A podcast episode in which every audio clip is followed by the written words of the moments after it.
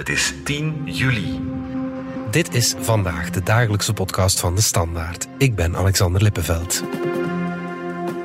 Als het van de Europese Commissie afhangt, dan is de kans groot dat u binnenkort in de supermarkt brood of groenten kunt kopen die genetisch gemanipuleerd zijn, zelfs zonder dat u dat weet. Nochtans was Europa lange tijd falikant tegen GGO's. Vanwaar die ommekeer en waarom zijn GGO's zo gecontesteerd?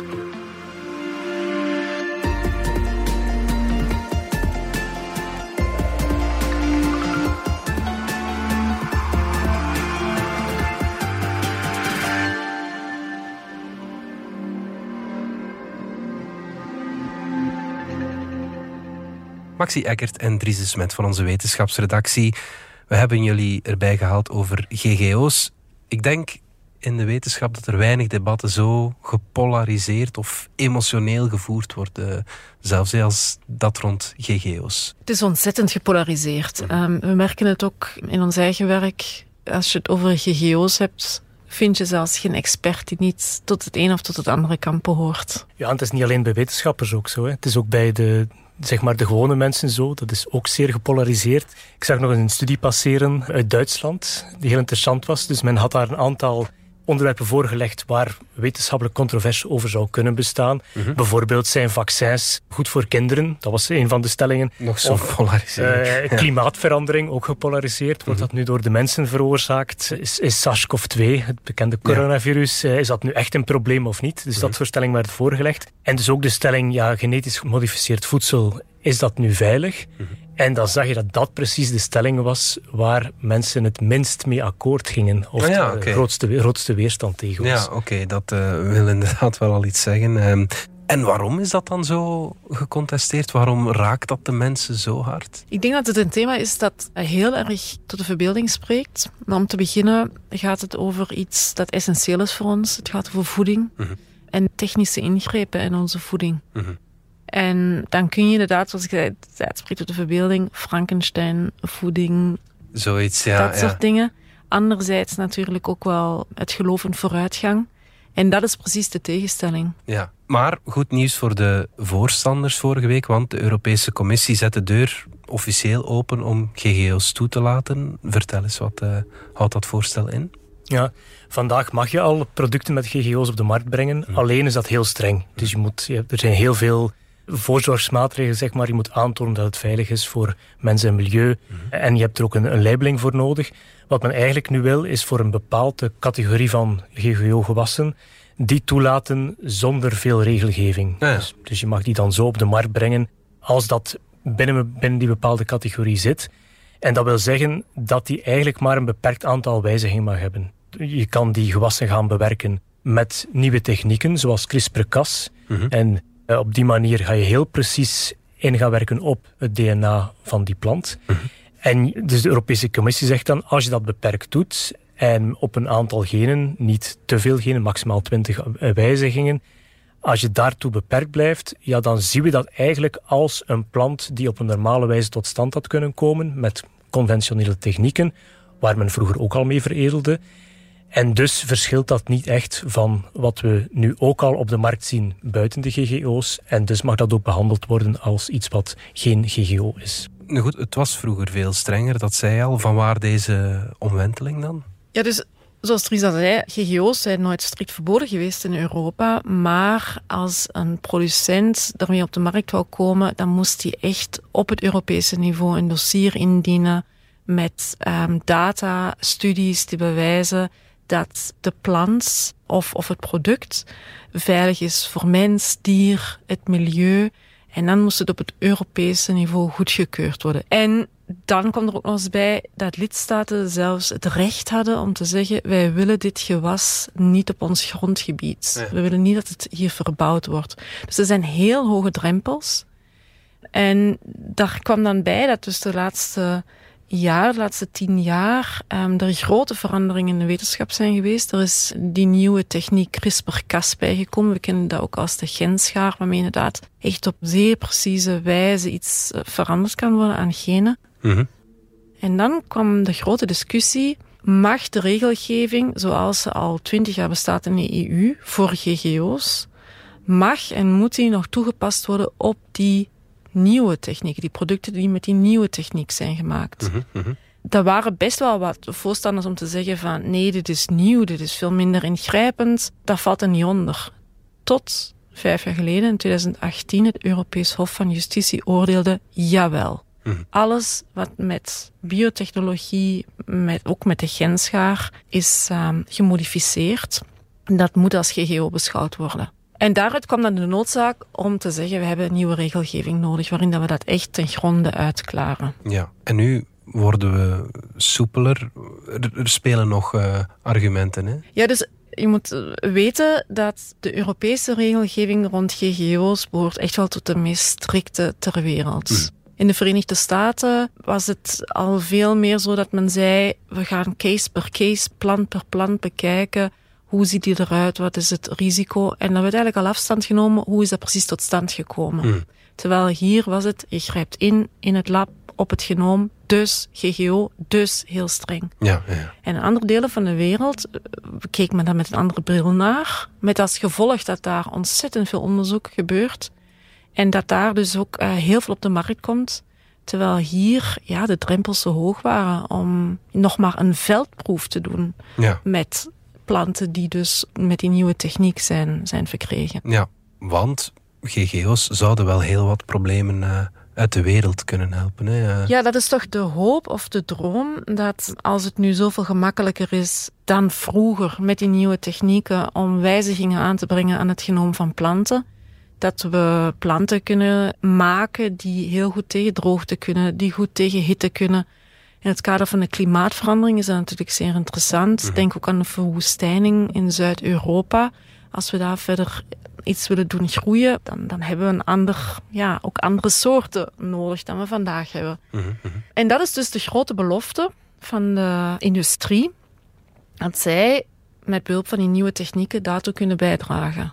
Ja, en zo ziet de Europese Commissie het zelf ook, hè, dat inderdaad bijdraagt tot duurzaamheid en tot een minder gebruik van pesticiden bijvoorbeeld ook. Ja. En dan zou je bijvoorbeeld een nieuwe aardappel bijvoorbeeld op de markt kunnen brengen Ja. die minder gevoelig is aan ziektes, waardoor je daar ook minder zal moeten spuiten met pesticiden bijvoorbeeld of herbiciden. Ja, maar die vrees dat GGO's schadelijk kunnen zijn voor milieu of de gezondheid, geldt die dan plots niet meer? Is dat door die nieuwe techniek helemaal irrelevant geworden?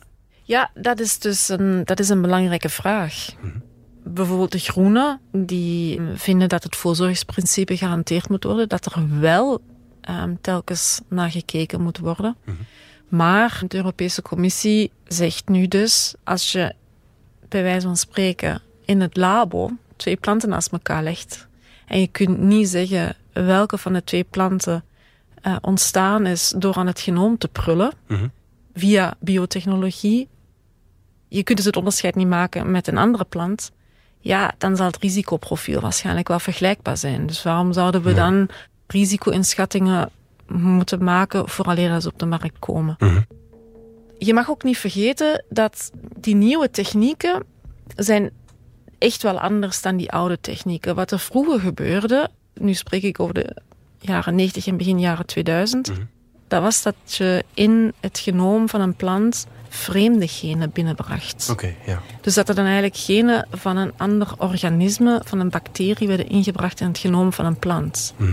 En dat is natuurlijk een heel andere benadering dan dat je zegt, je neemt een gen dat eigenlijk niet vreemd is aan de plant, omdat het in de pool zit, bij wijze van spreken, van die plant. ja. En je zet dat dan doelgericht in. Dat is natuurlijk een andere... ehm, manier om daarnaar... om, om daarmee om aan de dat te slag te, doen, ja, gaan. ja. Dus dat, dat gaat dan over de, over de ehm, gezondheidsrisico's. Mhm, mhm. Maar wat wel nog overeind blijft, dat is natuurlijk de hele discussie over de economische gevolgen. Mhm. Dus we zien nu dat er op de Europese markt bepaalde planten, GGO-planten, toegelaten zijn. Mais, soja. En dat zit allemaal in handen van grote bedrijven. Ja, Maar echt grote bedrijven. mhm. zoals... En eh, Monsanto, Bayer, BASF. Ja, ja, ja. En dan is de vraag, als we het nu allemaal gaan versoepelen, gaan we onze landbouwers niet nog verder afhankelijk maken van enkele grote spelers die aantrekkelijke zaden ontwikkelen en, en dan ook verkopen. Ja, want dit is iets wat een gewone landbouwer uit de Vlaamse polders niet, niet zelf kan doen natuurlijk. Hè? Dat is waar. Uh-huh. Nu zijn er ook wel argumenten om te zeggen, het zou wel eens kunnen dat juist de GGO-markt wordt opengebroken. Als de drempels veel lager zijn en je niet meer met die grote dossiers van aanvraag en studie en data zit, ja, dan wordt het ook veel aantrekkelijker voor kleine bedrijven om te zeggen, we ontwikkelen iets met een paar aanpassingen, we brengen het op de markt. Maar dat zal de toekomst uitwijzen. Maar dus die economische bezorgdheid, ja, die discussie is zeker nog niet van tafel. In Europa wordt er natuurlijk uh, gretig gelobbyd, ook door de agro-industrie. Ik kan me inbeelden dat zij wel enthousiast reageren nu. Dat is zeker zo. En zij hebben ook meteen enthousiast gereageerd. En ja, je kan natuurlijk wel een beetje zeggen dat het het gevolg is van gelobby, want uh, zij waren grote vragende partij, milieuorganisaties en eigenlijk ook consumenten waren daar geen vragende partij voor om de mhm. GGO's toe te laten. Maar de industrie dus wel en wetenschappers ook, want die willen daar ook onderzoek naar doen, zoals, zoals Maxi ook zei. Dus ja, ze spelen daar ook op in. En nu zal de vraag zijn, ja, doen ze dat vooral vanuit een commercieel belang? Of zal dat ook het algemeen belang versterken? En krijgen we inderdaad gewassen die duurzamer zijn, die zorgen voor een grotere voedselzekerheid, die mhm. misschien ook gezonder zijn of die, die voedselverspilling tegengaan, omdat ze bijvoorbeeld langer op het schap kunnen liggen. Mhm. Dat zal de grote vraag zijn natuurlijk. Ja, het zou kunnen natuurlijk dat ze bijvoorbeeld appels op de markt brengen die niet bruin worden als je ze opensnijdt. En dan heeft het wel echt een commerciële inslag. Willen we dat? Dat zou zeker ook kunnen, want dat zie je ook in de eerste voorbeelden die er nu al zijn. Je hebt bijvoorbeeld champignons, je snijdt die aan en die worden inderdaad niet bruin. Die zijn nu al in de VS op de markt. En je kan daarvan zeggen, ja, dat is commercieel, want dat verkoopt beter en degenen die dat produceren zullen daar ook wel een groter belang bij hebben. Anderzijds kan je ook zeggen, ja, als de consument dat wil en die, die producten worden beter verkocht of die gaan langer mee, is dat misschien ook geen slechte zaak. We hebben op onze producten in de supermarkt vandaag al eco-scores, Nutri-scores. Komt er nu ook een GGO-score, zeg maar? Eh, of zullen we hier niets van merken? Ja, dat is wel een belangrijke vraag. Ik verwacht ook dat daar nog wel veel discussie over gaat zijn als nu het voorstel van de commissie besproken wordt. Het voorstel dat nu op tafel ligt zegt als een bepaalde plant of een product dat met een bepaalde plant is gemaakt, denk maar aan tomatensoep. Mhm. Ehm, als daar GGO-tomaten in zitten en die tomaten die behoren dus tot die categorie waarvan we zeggen met een nieuwe gentechniek minimaal aangepast, dan hoeft er niet op te staan, stelt nu de commissie voor, dat er GGO-tomaten in zitten. Oké. Volgens de huidige regelgeving moet dat wel. En dus gaat het heel moeilijk zijn voor consumenten als je zegt om principiële redenen, om religieuze redenen, ik wil geen GGO-voedsel, mhm. om dat nog te ontwijken. Er gaat één uitzondering zijn en dat gaat over bioproducten. Mhm. Vandaag geldt al dat bioproducten in die hele keten mogen geen GGO's gebruikt worden. Dus ook als je biovlees koopt, mogen de koeien of de varkens niet GGO-mais of soja hebben gekregen. Mhm, mhm. En dat blijft zo. Omdat de commissie zich er heel erg bewust van is dat er een perceptieprobleem is. Dat wat mensen verwachten van biovoeding, dat dat niet past bij nieuwe of oude gentechnieken. Ja, oké. Dus enkel als je bioproducten koopt, ben je zeker dat er geen GGO's bij betrokken zijn. Ja, zo, dat is nu het voorstel. Nu moet er wel bij gezegd worden dat natuurlijk bioproducten doorgaans duurder zijn mhm. dan vergelijkbare producten zonder het biocertificaat. Dus dan is de vraag, ja, is dat dan een beperking van de transparantie? Want het is mhm. niet zo dat de boeren die de tomaten kweken en verkopen, dat zij het niet zouden weten. Zij weten het sowieso wat zij hebben, want zaden ja moeten wel altijd gelabeld worden. Het is pas in die laatste stap naar de consument toe dat de labeling eigenlijk wordt versoepeld. Dat een deel van de GGO's niet meer gelabeld zal worden. Ik vind dat opvallend dat je als consument niet gemakkelijk weet wat er eigenlijk echt op je bord uh, komt te liggen. Ja, dus ook daar weer de vraag, en daar is dan echt een politieke keuze om dat uit te klaren, is hoe, hoe kijk je naar dat product? Kijk je naar dat product, het is afgewerkt en wat ondervindt de maag van de consument? En gaan die tomaten, die GGO-tomaat, als die variëteit die gebruikt is ook in de natuur gevormd had kunnen worden, mm. dan maakt het eigenlijk geen verschil voor de mens. Dus waarom zou je het dan moeten labelen? Mm. Of vind je het wel belangrijk dat er rekening wordt gehouden met de techniek, hoe dat die ene variëteit in jouw tomatensoep zit tot stand is gekomen? Mm. En dat, is, dat zijn gewoon twee totaal verschillende perspectieven. En daar moet een, een keuze in gemaakt worden. Ja. Maar het is natuurlijk wel opvallend dat het is de industrie en ook de academici die echt wel tegen die labels hebben gelobbyd. Omdat het ook geen voordeel heeft als het op de verpakking staat. Ja. Het is alleen voor degenen die er tegen zijn, ja, die, die kopen het dan niet. En, en riskeer je niet dat je net het omgekeerde effect bereikt als je dat label er bewust aflaat, dat je nog meer wantrouwen gaat creëren bij de consument? Ja, er is wel een groep van consumenten, van burgers, die wantrouwig staan tegenover GGO's. In 2019 mhm. is de laatste Europese bevraging geweest van consumenten rond hun perceptie van voedselveiligheid. En daaruit blijkt dat toch wel ruim een kwart van de Europeanen bezorgd zegt te zijn over GGO's. Ja, dat is toch wel een belangrijke groep van de consumenten. Mhm. Nu, denk ik ook wel dat Europa, om het zo maar te zeggen, er geen goed aan doet om te zeggen, we gaan het gewoon eraf laten. De mensen hoeven zich geen zorgen te maken en vertrouwen er maar op dat het allemaal veilig is. Ja. maar wat je in sommige Europese lidstaten ziet, uh, waaronder Duitsland, daar bestaat zoiets als een GMO-free label. Hm. Dus een label waarmee dat niet alleen bioproducenten, maar ook producenten die met conventionele landbouwproducten werken, die hm. daarmee kunnen uitpakken dat ze zeggen, wij kunnen er zeker van zijn, bij ons zit er niks van GGO in. We zijn niet bio, maar je mag er zeker van zijn dat dat geen GGO is. Ja. En ik denk persoonlijk dat dat nog wel eens zou kunnen, dat dat nu ook in die bespreking op tafel komt, of dat er niet een soort van Europees label komt, om toch dat als een soort van compromis uit de wacht te slepen. Dat de mensen die dat wel belangrijk vinden, producenten die dat belangrijk vinden, dat die daar wel mee kunnen uitpakken. Ja, oké. Even luisteren naar een uh, fragmentje.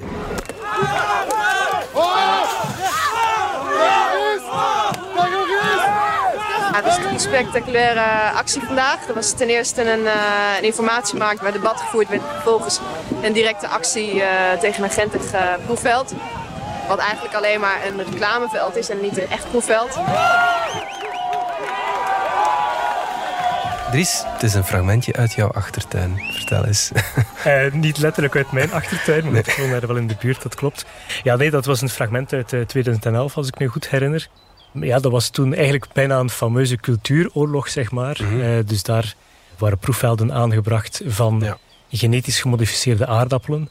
En daar was in Wetteren, ja. In Wetteren, dat klopt, ja. En daar was groot protest van allerlei milieuorganisaties. Het waren er meerdere. En toen heeft men toen die actie gedaan waarbij men eigenlijk dat veld wilde vernietigen en men planten is gaan uitrekken. Ja, en patatten uh, gaan gooien. Uh, nadien zijn er zo nog proeven geweest uh, natuurlijk. Maar zo'n protest als dat in 2011, dat hebben we, als ik me niet vergis, niet meer gezien. Is die grootste weerstand tegen GGO's eigenlijk misschien al een tijdje verdwenen? Na 2011 zijn er ook in Wetteren nog veldproeven geweest. Dus waarbij onderzoekers opnieuw een aanvraag hebben ingediend bij onze federale overheidsdiensten om dus GGO's in de vrije natuur eigenlijk, of ja, niet vrije natuur, maar wel buiten, mhm. um, te laten groeien en te zien wat het geeft. Nadat, uh, na die patatenoorlog, zijn er dus nog testen geweest waarbij er dus ook wel veel bezwaarschriften altijd kwamen. Dus als er zo'n veldproef met GGO's uitgevoerd wordt, dan krijgen burgers de kans om te zeggen of dat ze het ermee eens zijn of niet mee eens zijn, welke bezwaren ze hebben, enzovoort. enzovoort. Mm, mm. En er zijn proeven geweest, ook na 2011, waar dat dan de overheid duizenden brieven kreeg, waarbij dan uh, milieuorganisaties echt campagne voerden, uh, zodat mensen heel gemakkelijk die brieven konden opsturen. Maar dan, ja, vanaf 2016, 2017, als er dan weer een nieuwe GGO-veldproef was, dan kwamen er vier bezwaarschriften binnen, of zes. Dat is al wat minder. Inderdaad. En dan bleek toch wel dat die milieuorganisaties ja, toch het geweer ook van schouder hebben veranderd. In welke zin? Dus je, veel meer dan vroeger gaat het niet meer over Frankenstein, maar gaat het over een duurzame landbouw in alle facetten. Mhm. En dat, het draait dus niet meer alleen over de GGO's en het verzet tegen GGO's. Het gaat over herbicide, pesticidengebruik. Het gaat over um, monoculturen. Dus dat is veel ruimer. Dus daar is echt wel iets veranderd, ja. Het is natuurlijk ook moeilijk als uh, milieuorganisatie. Je zit daar wat gevrongen tussen twee belangen. Enerzijds je verzet tegen GGO's, anderzijds je verzet tegen pesticiden. dat is misschien moeilijk te verzoenen. Ja, dat klopt. En, en dat is ook het moeilijke van de hele discussie. In principe hebben die GGO's het potentieel om ervoor te zorgen dat je minder pesticiden uh, nodig hebt. Dat zag je in de eerste generaties ook. Mhm. Daar werd dan een stukje van een bacterie ingebouwd waar ze beter bestand waren tegen uh, insecten bijvoorbeeld, tegen ongediertes. Ja. En dat zag je inderdaad pesticidengebruik verminderen. Maar wat je ook ziet, is dat de GGO's het potentieel hebben om planten te maken die herbicide-resistent zijn. En dat is dan een dubbele winst voor degenen die het maken, want dan kunnen ze zowel die zaden verkopen, als daarbij ook nog eens een product om veelvuldig te spuiten. En dus dat zag je ook in die eerste generatie, had je gewassen die Roundup ready zijn. Dat wil zeggen dat die bestand zijn tegen het uh, glyfosaatproduct Roundup. This is Roundup Weed and Grass Killer with Sure Shot Wand. This stuff works. This stuff works down to the root, so weeds don't come back. This stuff works without hurting your back. This stuff works guaranteed or your money back. This is Roundup Weed and Grass Killer with Sure Shot Wand. This stuff works. En dus ja, dan kan je ook veel meer gaan spuiten op je veld zonder dat je het gewas dat je wil kweken gaat gaan beschadigen. En dus dat is ook wat de milieuorganisaties nu aanvoeren. Mhm. Als we kijken naar het verleden en in die landen waar het breed toegelaten is, zoals de VS bijvoorbeeld, dan zien ze niet dat het pesticide of het herbicidegebruik daalt. Integendeel, het is net toegenomen op die plekken waar er meer GGO's kunnen toegelaten worden. Dat kan ook niet de bedoeling zijn natuurlijk. Nee, exact. En dus je zou denken dat je daar ook als, als Europese Commissie rekening mee houdt en ook al gaat gaan waarborgen dat dat niet gebeurt. En het opmerkelijke is nu, dus we hebben nu dat voorstel dat nu uitgekomen is. En dan hebben we ook een eerdere draft die al gelekt was. En in die eerdere draft had men een aantal waarborgen ingebouwd waarbij men zei van als je wil een gewas op de markt brengen dat onder die beperkte regelgeving valt, waardoor je nog aan weinig voorwaarden moet voldoen, dan mag het geen gewas zijn dat herbicide resistent is geworden. Dus waarbij je makkelijker kan spuiten tegen met, onkruid. Tegen onkruid.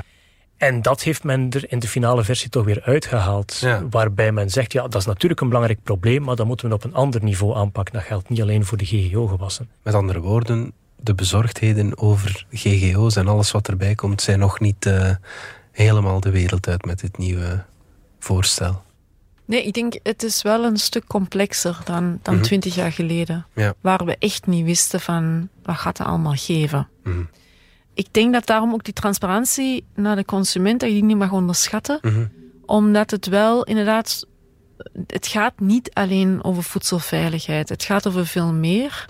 En dan moeten beleidsmakers, onze Europese parlementsleden, zich wel de vraag stellen, geef je consumenten wel de mogelijkheid om ja. daarin te kiezen.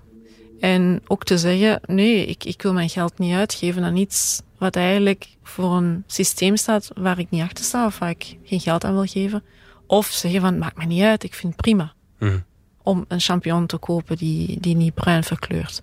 Dus ik denk dat dat wel iets is ja, waar we de komende maanden nog zullen zien. Dat er nog voor heel veel debat gaat zorgen. Ja, oké, goed. We volgen het op, zoals dat dan heet. Maxi Eckert en Dries Smet, dank jullie wel. Graag gedaan. Met plezier.